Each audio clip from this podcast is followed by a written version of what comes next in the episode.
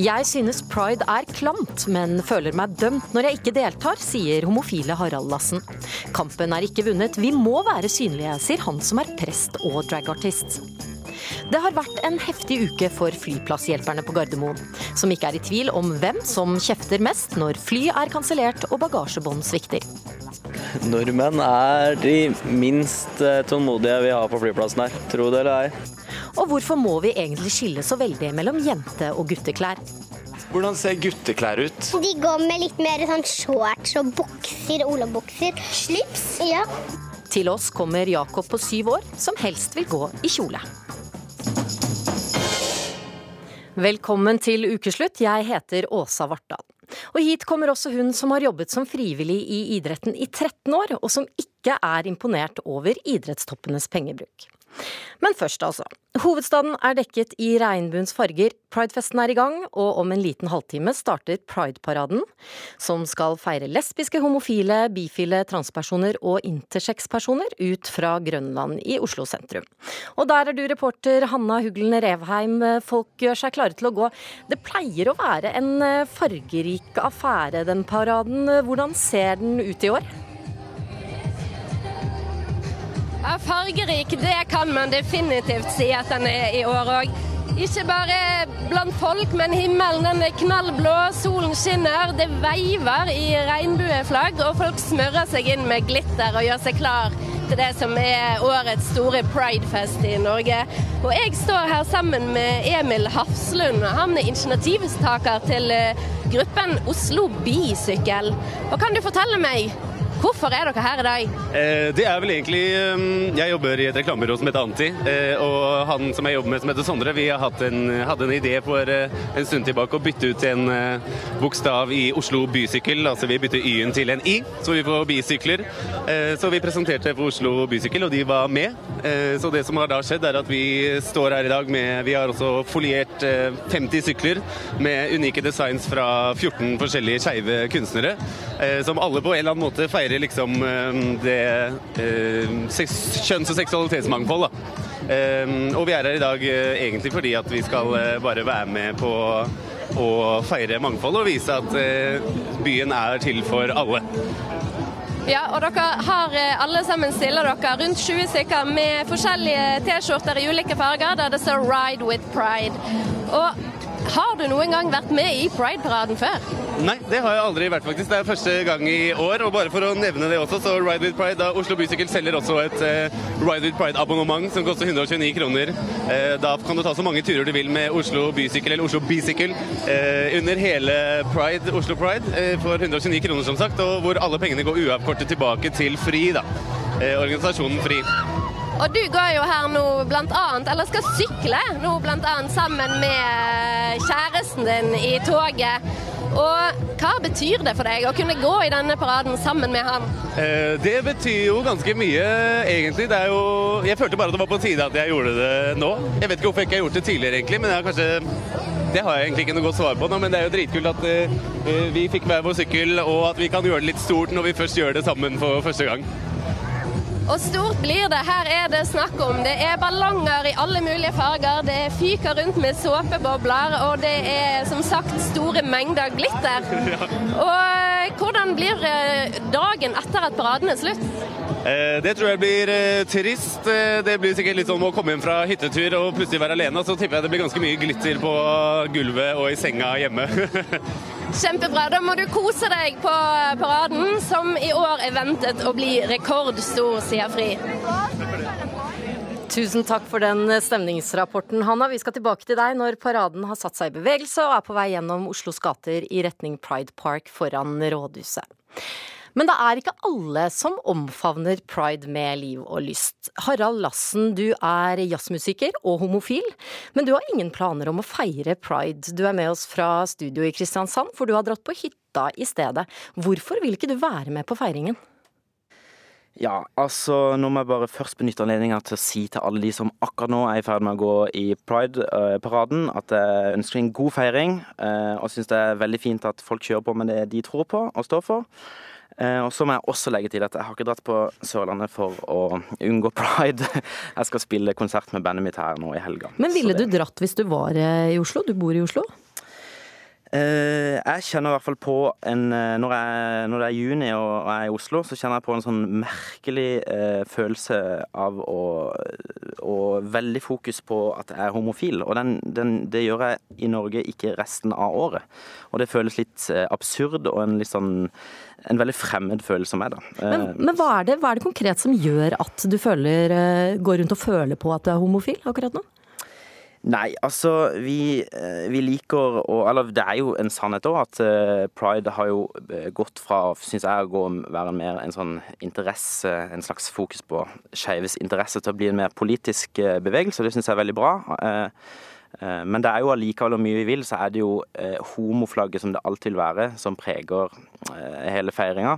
Pride vil alltid være en, en feiring av det skeive, en skeiv gruppe og en minoritet. Så for meg blir det bare litt, litt klamt, eh, rett og slett. Og jeg er jo veldig stor forkjemper av menneskerettigheter, så det handler ikke om det. Men det blir litt rart å, å snakke om menneskerettigheter og kun snakke om en liten gruppe, da. Så mm. Andreas Ilang Berg, du er homofil, prest og dragartist. Du har eh, artistnavnet Pastor Gloria Mundi, og opptrådte med eh, gruppen X-Dolls på åpningsshowet til, til Pride nå på, på onsdag. Du er definitivt med og feirer pride, og du syns ikke det er klamt? Jeg syns ikke uh, det er klamt. Det gjør det ikke. Og, og, og Lassen er også veldig sånn opptatt av å snakke Han snakker f.eks. om homoflagget. Men det er ikke et homoflagg, det er et prideflagg. Altså et stolthetsflagg som har alle regnbuens farger. Som representerer et mangfold i det skeive miljøet. Og jeg tenker at det, Vi kan ikke snakke om dette som en homodebatt. Dette er en debatt uh, som handler om mangfold og handler om det skeive fellesskapet. Men man er jo også veldig opptatt av å vise synliggjøre seg selv. Men når ønsket da er egentlig å være fullverdig inkludert i samfunnet, eh, at man ikke skiller mellom heterofile og homofile, hjelper det da å, å lage et opplegg med egne parader, egne flagg og arrangementer som understreker at dere er en egen gruppe? Ja, men jeg tenker at det, På hvilken måte er det vi ønsker å være en del av samfunnet på? Altså, Hvor er det problemet starter? Problemet starter ikke med at jeg er homo. Problemet starter med at det samfunnet ønsker at jeg skal være heterofil i utgangspunktet. Ja, Men mener du virkelig det? altså? Det mener jeg. Og det mener jeg fordi at det, helt siden vi var små, så har vi opplært til at jeg skal falle for jenter. Og det er ingen som tør antyde at jeg er homo, med mindre jeg sier det selv. Og fordi det blir sett på som en eller annen form for skam å skulle gjøre det. Opplever du det også sånn, Lassen? Jeg tror, eh, jeg tror ikke han eh, eller Andreas tar, tar, feil i alt han sier. Eh, men jeg tror ikke jeg, jeg, Altså hvis jeg skal jeg, jeg, føler vi undervurderer også det norske folk hvis vi sier at ingen aksepterer Altså det er en forventning generelt fra alle at du skal være heterofil, og at du vil du skal være heterofil. Det, det syns jeg er en undervurdering av det norske folk. Og jeg, tenker litt på den Gå for meg-kampanjen som, som Pride har hatt nå. Fram, eller eh, FRI, som har hatt en kampanje nå, som har vært mot pride. Hvor man har bedt kjendiser om å gå for folk som ikke tør å stå frem med sin legning, ikke sant? Ja, og så er det mm. mange som har kommet med, med eh, historier eh, om sitt liv og hvordan de har det. Og det er jo på en måte rørende og tankevekkende, men det er også for meg tankevekkende at vi på en måte konsekvent eh, svartmaler fullstendig det å være skeiv, og lager på en måte opprettholder tabuer som kanskje er, heldigvis, så sakte, men sikkert på vei ut. I hvert fall hvis vi fortsatt diskuterer eh, Norge, som vi snakker om. Og det syns jeg er på en måte tankevekkende. Jeg syns at man skaper kanskje noen uh, Jeg ser den tendensen på mange av de tingene jeg leser på en Gå for meg-kampanjen, er at folk er redd for å stå fram, for de er så redd for uh, å bli stigmatisert. Altså, de blir ikke stigmatisert, men de er redd for å bli det. Og det er kanskje sånne kampanjer òg som bare fortsetter å svartmale, og kanskje under, undervurderer uh, offentligheten, rett og slett. Berg, kan det være at en del homofile tror det er flere fordommer der enn det egentlig er? Men altså, jeg tenker bare den opplevelsen av å ikke kunne være en del av samfunnet, er noe som vi må ta på alvor. Altså, mm. Det er jo ikke sånn at Eh, at Gå for meg-kampanjen er et eh, problem i seg selv. Den tar, jo, den tar, jo, tak i noe som mennesker opplever. Akkurat som du opplever at det ikke er et problem, så er det mennesker som opplever at det er et problem. Og da tenker jeg at eh, det som da blir en del av pride sitt utgangspunkt er nettopp å vise at dette mangfoldet eksisterer. Fordi der finnes mennesker som på en måte er av hele spekteret av regnbuen til stede, tenker jeg. Både av de som er streite, og de som er uh, homse, lesber, trans og bi, og hva mer vi enn er. Men Lassen, det er jo akkurat dette som gjør, deg, som gjør deg litt klam. Hvordan mener du at homofile bør kjempe for rettighetene sine? Hvis man ikke skal gjøre det gjennom pride, f.eks. Uh, nei, altså jeg syns, uh, jeg syns uh, hver dag er en, en Jeg syns vi ser et mangfold i offentligheten gjennom hele året. Og jeg syns man fronter den saken på mange måter, bare sitt dagligdagse levemåte. Og FRI har mange folk som følger de, og det, det, er mye fokus på det. Enormt mye fokus på det i media og offentligheten, det er kjempebra. Men jeg ser ikke hvordan en sånn Eh, parade og en sånn eh, Sånn som jeg opplever litt sånn klam feiring som det hjelper, egentlig. Men hva er det som er klamt, lurer jeg på? Hva er det du syns er klamt, for det klarer jeg ikke helt å finne ut av? Nei, det er jo fordi at man hele tida må redusere det til en, en, eh, en, liten gruppe og en legning. Og det, det er litt Men hva er denne lille gruppen, og hva er denne legningen? For jeg kjenner meg ikke igjen i det du sier, da. Nei, altså det opplever jeg som det skeive miljøet, som du har nevnt, uh, nevnt, mange ganger. Og det er jo selvfølgelig i pride så er det jo masse folk som ikke har noe med det å gjøre, som er med og støtte opp om det. Absolutt. Men det vil jo alltid være det skeive som fronter den, den, saken. Og det syns i hvert fall Altså jeg kjenner det som litt sånn et litt sånn tvunget fellesskap, da, som man liksom skal kjenne noe uh, fellesskap med. Men jeg kjenner egentlig veldig lite til felles med eh, veldig mange eh, i den paraden og det miljøet, bortsett fra at jeg er norsk. altså that's it. Og derfor så blir det litt eh, rart for meg, da. Enkelt og greit. Føler du et press på at eh, du burde ha deltatt? Ja, absolutt. Absolutt. Ja, det gjør jeg. Hva tenker du om det, når folk føler at eh, de blir stigmatisert for ikke å delta i pride? Altså jeg tenker Igjen så går det veldig mye tilbake at uh, det å være så privilegert som både jeg og Lassen er, da. Uh, både med vår kjønnsidentitet og seksuell identitet, uh, vår hudfarge, gjør at eh, det blir vanskelig å ta den debatten. Og jeg skjønner veldig godt at han føler på den opplevelsen. Og det er, det er dumt. Altså, dette er jo frivillig. Helt til slutt, Lassen. Du skal altså ikke delta på pride. Men Berg, hva går han glipp av ved å ikke delta? Han går glipp av å kunne støtte en Vise at vi som er her i Norge, som er så privilegerte at vi faktisk får lov til å gjøre dette uten å bli beskutt på, sånn som de ble i Istanbul. Uten å bli satt i eh, konsentrasjonsleir, som det blir i Tsjetsjenia. Vi kan gjøre dette uten fare for livene våre. Og det tenker jeg, det tenker at det er, det er synd at, at, han ikke, at han ikke blir med på det. Eh, fordi det fins mulighet for å gå under paroler til andre organisasjoner som faktisk støtter mennesker og det skeive rettighetene rundt omkring i verden. Lassen, helt kort til slutt, svar på det. Ja, nei, altså eh, det, Kanskje jeg går glipp av det akkurat den uka, men resten av året så er jeg faktisk veldig opptatt av de spørsmålene. Og jeg reiser mye i Øst-Afrika og ser problematikken. Og til slutt vil jeg si at jeg har blitt kalt mye for å være gufs for, for, fra fortida, men jeg tror kanskje at jeg er litt, bare litt for tidlig ute med denne debatten. da sier jeg tusen takk til deg, Andreas Ilang Berg. Du får eh, gå ut og feire pride. Og til deg, Harald Lassen. Du får gå ut, gå ut i solen på Sørlandet. Tusen takk til dere. Tusen takk. Tusen takk.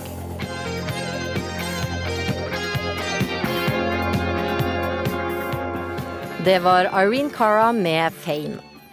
Det er endelig sommer og ferietid, og mange pakker kofferten med store forventninger. Da blir det ekstra frustrerende når ikke alt går etter planen. Kansellerte Norwegian-fly, lange køer for å få nødpass og bagasjebånd som ikke virker, får folk til å se svart. Det har flyplasshjelperne på Gardermoen fått merke denne uken. Det er gaten til Hamburg, så er det bare å fortsette denne veien og til høyre. Ok, Det er 11? Ok, tusen takk. Telefonen til flyplasshjelper Robin Skotvedt har ringt i hele dag. Hallo, det er Robin. Det er kaosdag på Gardermoen. Nei, bare være på utgående til du er ferdig, da. Jeg har hatt en av de dagene i løpet av året som ikke er gøy. For jobben hans er å hjelpe passasjerer med å få riktig informasjon. Men når bagasjebåndet plutselig svikter, og folk må reise uten å få tatt med seg kofferter, ja, da blir det en intens dag. Hvis du skal rangere da, topp tre kjipe ting i dag? Topp tre kjipe ting. Det er køer. Veldig lange køer. Eh, sinte folk som eh, skal med charter. Og de som er, kommer med dårlig tid og forventer at dette går raskt og enkelt. Norske pass, European passports, this way please. Nå er vi på inngående passkontroll. Her var det en del folk, se. Sier Hedda Granum, som òg jobber som flyplasshjelper. I svarte bukser og gule skjorter er de blikkfang for folk som søker hjelp. Her pleier det å være mye kjefting og skriking. I dag var det bagasjebåndet som ødela, men de gulkledde har òg fått kjenne på folks frustrasjon når flyselskap som Norwegian tidligere har hatt flere kanselleringer. Hvor sure blir folk egentlig når det har vært disse kanselleringene? De blir veldig sure og skal vite helst svar der og da av oss hvorfor flyet er kansellert. Og det, vi har ikke svaret på alt. Vi har svaret på hvor nærmeste toalett er og vannkraner, men uh, hvorfor flyet står igjen uh, nede i Spania, det er vi ikke alltid sikre på. Ved innsjekkingsområdet har det denne dagen vært lange køer, mye usikkerhet og et hav av kofferter som ikke har fulgt med eieren på tur. Det synet som er her, det er jo eh, det jeg vil kalle en jungel av kofferter. Og eh, som nevnt for deg innledningsvis, så har vi akkurat ankommet. Så jeg, jeg blir litt sånn skeptisk for hva utfallet blir, da. Det sier Morten Eriksen, som sammen med kona og de to sønnene skal til Hellas og gjerne vil ha med seg bagasjen. Det vil òg gjerne Marie Hornseth og Guro Stormoen, som skal på språkreise til Brighton og har mesteparten av det de trenger i en rosa og en sølvfarga koffert. Hva hadde vært mest krise å gå glipp av i denne kofferten her, på språkreise? Eh, rene klær, gode sko kanskje, og litt sminke. og du da? Eh, klærne mine og sminka. ja, alt egentlig. På innsida så har flyplasshjelperne fortsatt nok å gjøre, selv om bagasjen nå går som normalt. For Robin er vakta snart ferdig. Alle over 18 år kan benytte seg av EasyPass også. Jeg skal spise når jeg er ferdig på jobb, for jeg har ikke fått pause ennå. Er nordmenn mer tålmodige enn andre? Nordmenn er de minst eh, tålmodige vi har på flyplassen her. Nei. Jo, tro det eller ei. Men Er det fordi at vi er på hjemmebane, så da har vi liksom lov til å kreve mer? Sikkert at de føler at uh, de er norske, så da skal det gå sånn som de vil når man er i Norge. Men uh, gjør jo ikke alltid det. Da blir de veldig sinte. Det var lykke til. Takk skal du ha. Mens neste skiftleder gjør seg klar for vakt, kan Robin gå ut i sommerdagen og omsider spise. Hedda har fortsatt noen timer igjen av vakta. Hvem er de mest høflige da, når ting ikke funker? Amerikanere. Amerikanere. Amerikanere er søte. De er så snille. De kan jo bli sure, men de er, de er ikke frekke i måten de svarer på når vi forteller dem hva som har skjedd. Det er sånn OK, og så må de bare gå. Og så er liksom smiler og takker gjerne også for at de får hjelp. I dag ser det heldigvis ut som om trafikken går som den skal fra Gardermoen. Reporter blant de reisende var Ann-Kristin Listøl.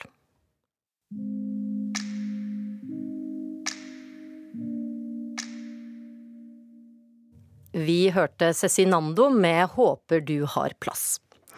Tirsdag denne uken la Norges idrettsforbund endelig fram regnskapsbilagene fra Sotsji-OL i 2014 og ungdoms-OL i 2016. Og der var det litt av hvert som har fått flere på grasrota i idretten til å reagere. Det skulle ikke være lett å få Idrettsforbundet til å vise fram bilagene sine. Hvorfor gjør dere det bare ikke? Ja. For det første så er det veldig mange flotte mennesker som har jobba lenge i idretten. Men denne uken ble det lagt fram bilag fra Sotsji-OL i 2014 og ungdoms-OL på Lillehammer i 2016. Ah, jeg tror det er Kina som tar det, og det blir sølv til Norge.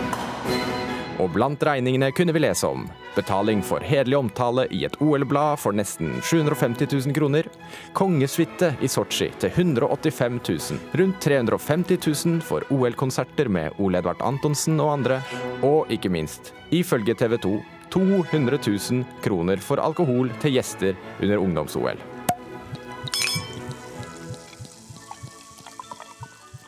Tone Seljenes Holme, du er styreleder i Gjelleråsen idrettsforening.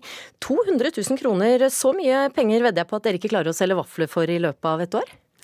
Et år kanskje, men ikke i løpet av et halvt år som vi har gjort det nå. i hvert fall. Det har vi ikke klart å gjøre. Men uh, ikke, jeg, jeg, tror ikke det er det denne debatten egentlig handler om, for å være helt ærlig. Men Idrettsforbundet har jo altså ikke ønsket å vise fram disse regningene før nå. Hvordan reagerte du da du fikk se tallene på, på disse bilagene denne uken?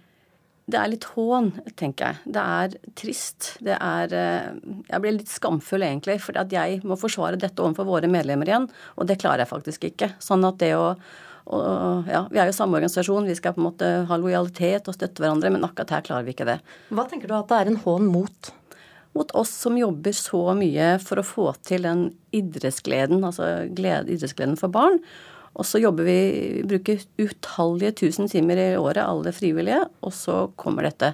Og det, det er ingen god følelse. Nils Røyne, du er kommunikasjonssjef i Norges idrettsforbund. 200 000 på alkohol under ungdoms-OL, det høres ut som en skikkelig fest? Ja, det gjør eh, dessverre det. Eh, og spørsmålet er om det skulle vært servert alkohol i det hele tatt. Men eh, Hvorfor ble det det likevel? Når man først valgte å gjøre det, så var det under en del tilstelninger. Så hvis man regner på dette, så er det vel eh, halvannet glass vin eh, til hver enkelt under disse middagene. Så det er ikke noe, det er ikke noe stor fest, men, eh, men spørsmålet er under, om man under et ungdoms-OL i hele tatt skal servere alkohol. Men dere brukte bl.a. over 350 000 kroner på forskjellige musikalske innslag. Bl.a. på å få Ole Edvard Antonsen til å spille i Sotsji og på Lillehammer. Var det riktig bruk av penger? Jeg tror uh, idrettsstyret og alle i idretten er enige om at man må uh, revurdere hvordan man har brukt penger på disse to arrangementene. Og så er det viktig å huske at ungdoms-OL gikk med 26,5 millioner kroner i overskudd. Alle de pengene gikk tilbake til idretten. Spesielt har det gått til uh, unge frivillige og Unge frivilliges fond. Slik at det var en stor suksess på Lillehammer under ungdoms-OL, og alle pengene har gått tilbake til idretten. Eh, men like fullt så er det riktig og viktig at vi tar den debatten, og jeg forstår veldig godt den reaksjonen på grasrota. Fordi det handler om hver eneste dag å skaffe penger for å lage aktivitet. Og eh, da må vi også sentralt tenke enda bedre gjennom hva vi gjør. Men dere gjorde vel også litt for å imponere noen IOC-topper? Ja, eh, det kan man gjerne si. Eh, men samtidig så, så skal man også huske at ungdoms-OL-organisasjonen på Lillehammer de holdt en veldig lav profil på denne type arrangementer. Der var det ikke alkohol, det var enkel servering. Eh, det var 3200 frivillige der oppe som, som møtte også IOC og, og andre såkalte idrettstopper. Og alle var enige om at det var et fantastisk arrangement. Eh, det er jeg ikke i tvil om, tenker jeg. Ja, ja du, må, kan svare på det. det er jeg ikke i tvil om. Og det er, det er jo flott. Det var flott arrangement, og det er vi alle enig i. Og vi er jo ikke uenige i at man kan unne seg et glass, glass, vin. Det er ikke det dette egentlig handler om. Det er jo den åpenhetsdebatten vi har, og det er jo denne her med troverdigheten. Og egentlig så handler det om etikk og moral. Og sånn som vi ser det, så handler det egentlig om um, ja, det er den følelsen vi har når vi skal skape, skape idrettsglede hver dag, og jobbe med det. Og så tør man ikke snakke om på toppen, og vi på bunn, grasrota, vi må da vise alle kvitteringer, og vi har store kontroller for å få det her til. Sånn at, eh, Og det er ingen eh, Det stemmer ikke overens. Så da er egentlig spørsmålet til Idrettsforbundet er eh, Skulle vi gjort sånn på grasrota også, at når vi har store arrangementer, og det har vi relativt ofte, vi skal ha representasjonsmiddager og sånn, da har vi ikke så mye penger igjen til aktiviteter. Så det handler litt om hvordan vi ønsker å å bruke, bruke, de få ressursene vi har, for det er ikke mye penger. Men, men sånn som under Sotsji-OL, da, så prøvde både politikere og idrettstopper iherdig å få et OL til Oslo i 2022. Mm. Har du forståelse for at man kanskje da må slå på stortromma, eller som i dette tilfellet blåse i trompeten for å få det til? Jeg skjønner jo at det er sånn man jobber i dag, i, i, næringslivet. Men vi er en frivillig organisasjon, og da må man heller spørre seg om man kan jobbe på litt andre måter. Er det sånn vi vil ha det, da? Skal vi bare skli på en sånn linje at det er helt ålreit? Vi er ingen, eh, ingen, privat bedrift som på en måte kan jobbe sånn og som skal ha en ting. Vi er frivillige, og vi er basert på frivillig arbeid alle sammen. på Grassen. Røyne, dette her er jo ikke kanskje sånn tall som man kanskje i næringslivet ikke tenker er så, så voldsomt store. Er grasrota litt, eh, litt rause her, tenker du? Nei, altså det, det, er jo det som er eh, noe av eh, utfordringen eh, når Norges idrettsforbund og Norges olympiske komité er én organisasjon, og med paraidretten også som en del av dette. Det er det eneste landet i verden som har alle disse i én organisasjon. Hvordan forandrer det du, tingene her? Jo, fordi da får du denne veldig kontrasten og forskjellen mellom det å drive grasrotarbeidet i det daglige og det å f.eks. da å skaffe seg eller forsøke å skaffe seg et OL til Norge. Så du ser at det er en stor kontrast der? Der er det store kontraster og store utfordringer, og vi har ikke helt takla alle de utfordringene på like, like bra. Og det er jo det idrettsstyret og alle nå er eh, enige om, og også enige om å ha full åpenhet. Eh, Holme, du mener at forbundstoppene har mistenkeliggjort idretten som helhet. Hva mener du med det? Hvordan skal vi forsvare det på bunn, tenker jeg. Altså, Vi klarer jo ikke det. det, er, det er vi, folk, jeg trodde kanskje ikke engasjementet på grasrota var så stort, men etter den saken begynner å rulle, så får vi stadig henvendelser nettopp ved det. Og jeg må bare si at egentlig så er de, sitter de litt, litt for langt unna, og vi er vanskelig å forholde oss til det. Og da, og da, når vi skal være i samme organisasjon, jobbe mot de samme tingene som vi på en måte er forplikta mot, så blir det litt kontrast til det arbeidet. Men hvordan skal nå Idrettsforbundet med nyvalgt generalsekretær Karen Kvalvåg i spissen greie å gjenreise den tilliten? Da Da må de lytte til oss på grasrota. De må ta oss mer med. Altså, vi har en struktur, og det blir tatt opp, men det er, det er lange veier. Det er ingen korte beslutningsprosesser her. Sånn at eh, det å på en måte hoppe over noen ledd kan være lurt, tror jeg. Røyne, kommer, kommer du til å høre på det? Ja, jeg tror dette er et, et stort og viktig poeng. Eh, fordi eh, og Den nye generalsekretæren har jo også vært tydelig på at eh, vi må bygge på et solid verdigrunnlag. og Det verdigrunnlaget må vi jo måles etter dag for dag. Og Hvis idretten, hele organisasjonen vår, er enige om dette verdigrunnlaget, så må vi følge det alle. Og Der har vi en jobb å gjøre. Vi har kommet et godt stykke på vei bare de siste månedene. Men fortsatt så må vi være tydeligere og etterfølge de verdiene som vi da har satt. Helt til slutt, Røyne, Hvordan lokker man IOC-topper på lavbudsjett? Det klarte organisasjonskomiteen på Lillehammer under ungdoms-OL på en fantastisk måte. Der eh, var alle med oppretta skjortearmer og eh, ikke så pent kledd eh, med på store arrangementer og møtte frivillige. 3200 ungdommer så eh, egentlig så er IOC også på vei, og vi må bare tilpasse oss. Vi må forstå at det er en annen tid enn det var kanskje for noen år siden, og eh, det tror jeg vi er på god vei til å gjøre. Da sier jeg tusen takk til dere, Tone Seljenes Holme, styreleder i Gjelleråsen idrettsforening, og Nils Røyne, kommunikasjonssjef i Norges idrettsforbund. Du hører på Ukeslutt på P1 og P2. Fortsett med det, og hør at danske foreldre klager over at barna deres fryser og blir skitne av gjørme på Roskildefestivalen. Festivalveteran Arild Rønsen ber dem slappe av. Jo mer gjørme og, og regn og greier det er, og jo dårligere du sover om natta, jo bedre er det. Og Pride-paraden slynger seg nå gjennom Oslos gater. Ukeslutt er med i toget. Alle må få gå i de klærne de vil. Det skrev syv år gamle Jakob til ungdomssiden Side i Aftenposten. Og denne uken pryder syvåringen forsiden av Aftenposten Junior ikledd gul kjole. Vi skal snart snakke med Jakob, men først så skal vi høre hva andreklassingene på Marienlyst skole syns om jente- og gutteklær. Se min kjole, den er hvit som snøen. Okay. Se på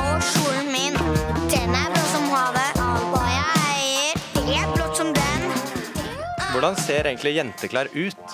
At det er litt sånn De er kanskje litt sånn lyse, og så er de litt sånn kjole og rosa, litt hvit og litt sånn. Litt grann lilla også. Og kanskje litt sånn glitter på også. Hvordan ser gutteklær ut? Um, de pleier å gå med caps og litt sånt. Litt sånn hodeskaller og um, De går med litt mer sånn shorts og bukser, olabukser. Slips. Ja, og så um, Det er litt vanskelig å forklare, fordi um, gutter kan jo også gå med jenteklær. Det er fordi jeg elsker alt det hvite, og fordi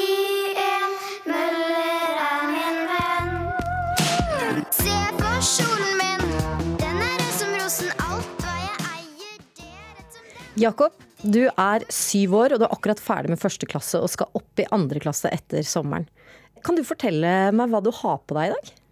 Jeg har på meg nå en kjole som jeg kjøpte i Tyskland. Sånn helt blå. Og så har jeg på meg en hvit T-skjorte som mamma kjøpte. Du er kjempefin. Hvorfor vil du ha på deg akkurat den? På grunn av at det vil pynte meg. Du vil heller gå i kjole enn i bukser. Hvorfor vil du det? Når det er så pent når man snurrer rundt. Nå er det jo sånn at det er ikke så veldig mange gutter som går i kjole. Hva svarer du folk når, du, når de spør deg hvorfor du går i kjole? Jeg pleier ikke å svare. Men er det mange som spør deg? Mm. Men de, hva, sier, hva sier de i klassen din, da? Til at du går i kjole? De sier ikke så mye med, da. Men at de syns at det er bare greit at jeg går i skole. Mamma til Jakob Heike Simensen, eh, fikk du være med å bestemme hva Jakob skulle ha på seg i dag?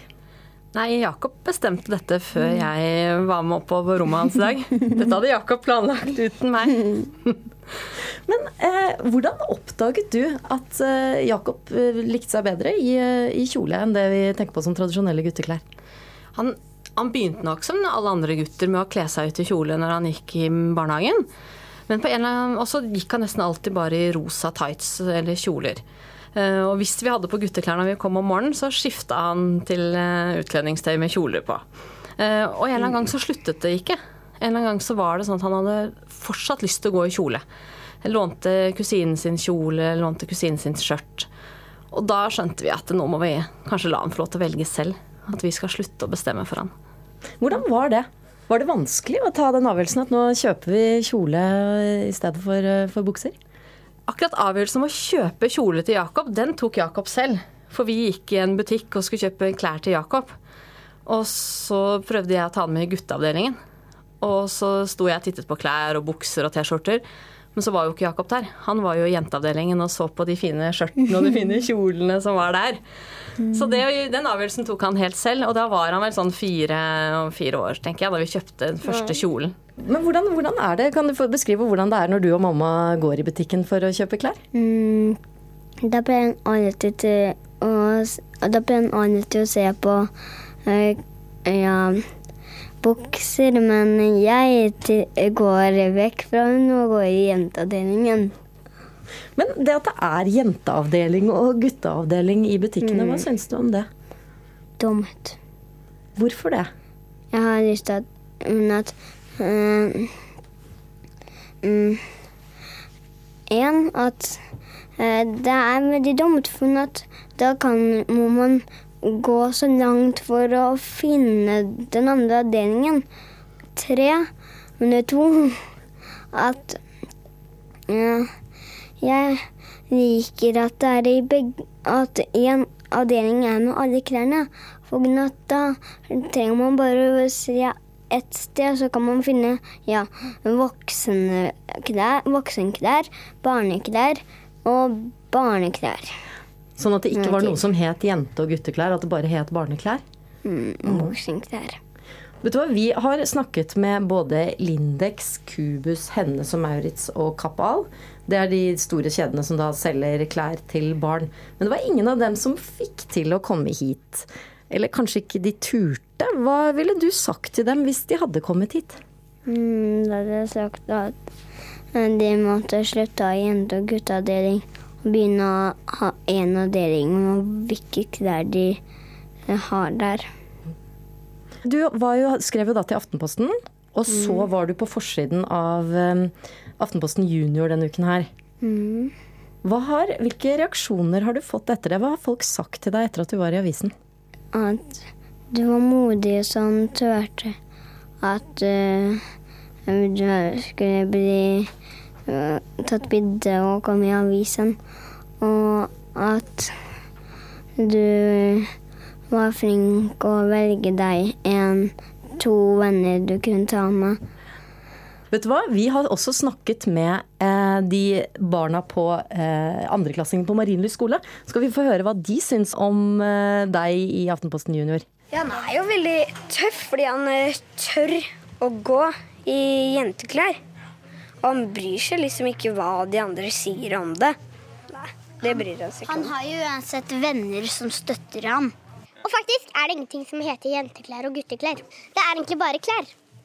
Vi hører de også, vennene dine sier også dette, og de sier det. Er det de voksne som ikke helt har skjønt hvordan dere eh, tenker om klær? Mm. Så hvordan burde vi foreldre tenke når vi skal kle på barna våre, syns du? Mm. At de fikk velge om de skulle gå i skjørt, kjole, bukse, T-skjorte. Ja, hva de vil. Men ikke voksne klær. Nei, for de passer jo ikke så godt. Mm. Men eh, mamma Heike Simensen, mm. dere har fått en del tilbakemeldinger eh, etter at Jakob var i Aftenposten junior. Har dere fått noen negative tilbakemeldinger? Det er veldig få negative tilbakemeldinger. Nesten alle er veldig positive og syns at det er flott at Jakob går faktisk i akkurat det han har lyst til å gå i. Det er kommet noen få negative tilbakemeldinger sånn på kommentarer på Facebook og sånn. Og det har stort sett vært av menn som er sånn kanskje 40-50, og som nok syns at dette her er litt skummelt. At barn begynner å forandre seg fra disse tradisjonelle kjønnsrollemønstrene. Kanskje de egentlig ville gått med kjole, de også? Ja, kanskje det er det de egentlig vil. Mm. Men du har jo også en eh, jente, og ingen reagerer f.eks. hvis eh, hun går i blå bukse og grønn T-skjorte. Hva forteller det deg? Nei, Det er jo det Jakob sier selv også. Det er ingen som reagerer negativt på at jenter går i de klærne de vil. Mens hvis gutter på en måte går utenfor de kjønnsrollemønstrene sine, da reagerer man, eller da er det litt utenfor det vanlige. Hva syns du om det at søsteren din kan gå i hva du vil, mens folk syns det er rart når du går i kjole? Er rart hun at det er jo egentlig også litt vanlig hun at hun er jente. Men mener du Mia heller, eller heller Cecilie? Har du to søstre? Tre. Tre søstre. Ja, det er to kusiner, da. Mm. Og de kan gå i hva, du vil. de, kan gå i hva de vil. Mm. Jeg syns i hvert fall du er kjempetøff. Har du vært ute og kjøpt deg noen klær til sommeren, da? Mm, ja, en gul kjole. Denne. Blå, blå kjolen? Mm. Og så Ja, kanskje en julekjole. Men jeg tror ikke jeg kommer til å bruke den at den heter julekjole. Må spare julekjolen til jul. Tusen takk for at dere kom i eh, studio. Jakob på syv år og mamma Heike Simensen.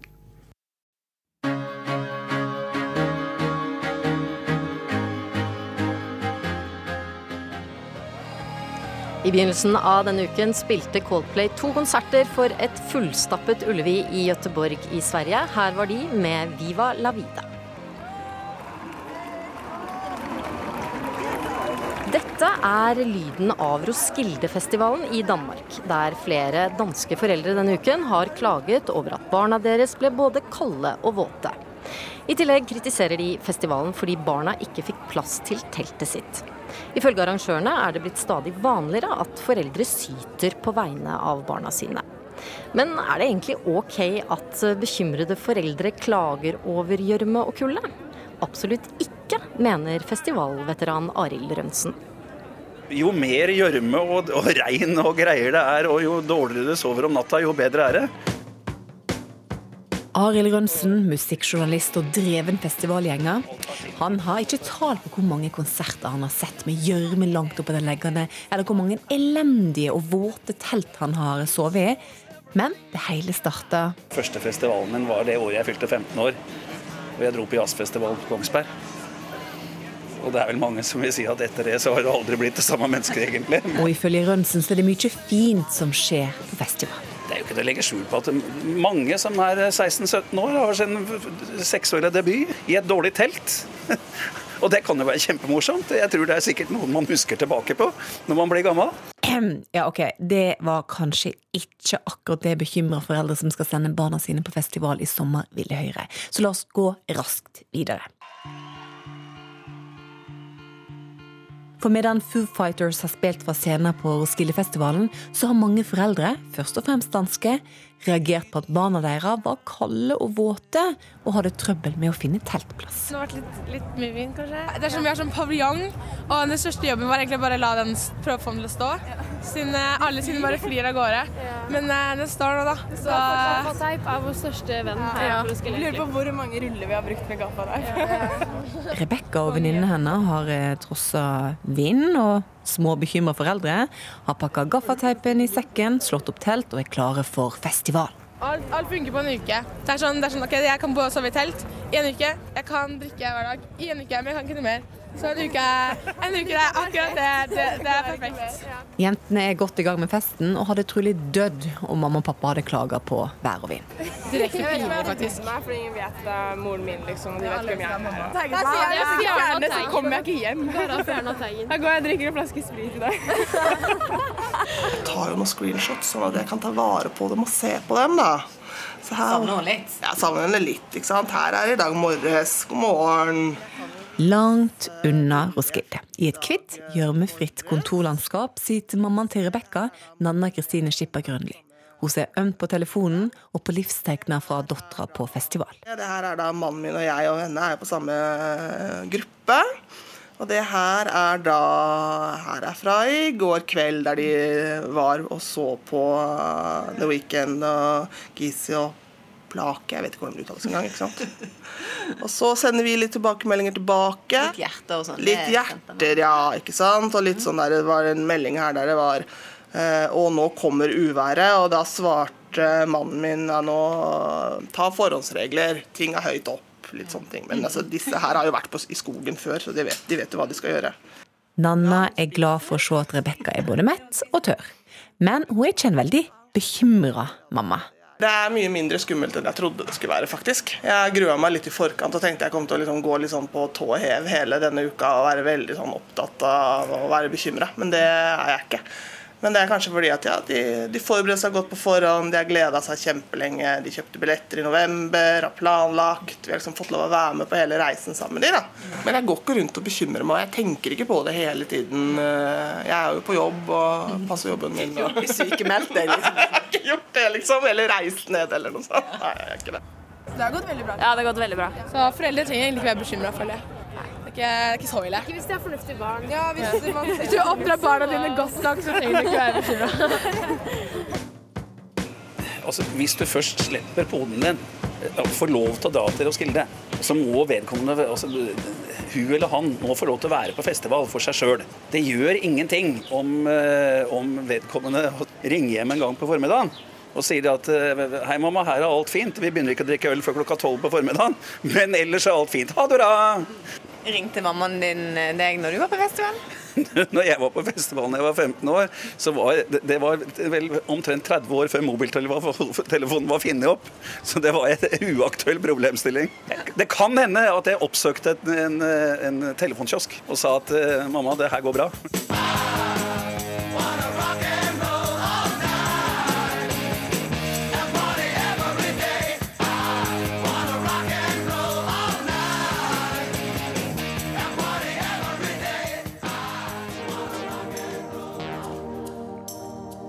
Reporter her var eh, Sara Victoria Rygg. Vi skal høre et av bandene som har spilt på Roskilde i år. Her er Future Islands med Seasons. Nå skal vi tilbake til Pride-paraden i Oslo, og reporter Hanna Huglen Revheim, hvordan er stemningen der nå? Jo, stemningen den har ikke akkurat blitt dårligere siden sist. Eh, her er det tett i tett med folk, både de som går i paraden og de som står og ser på, på sidelinjen.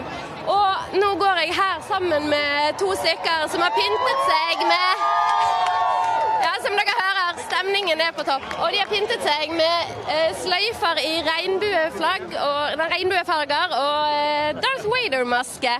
Og hvorfor har du valgt det eh, til denne paraden? Fordi at jeg er veldig stor Star Wars-fan. Eh, og så Hvordan bedre grunn å feire pride på enn å, det enn å dukke opp som Miss Vader i kjole og Vader-maske?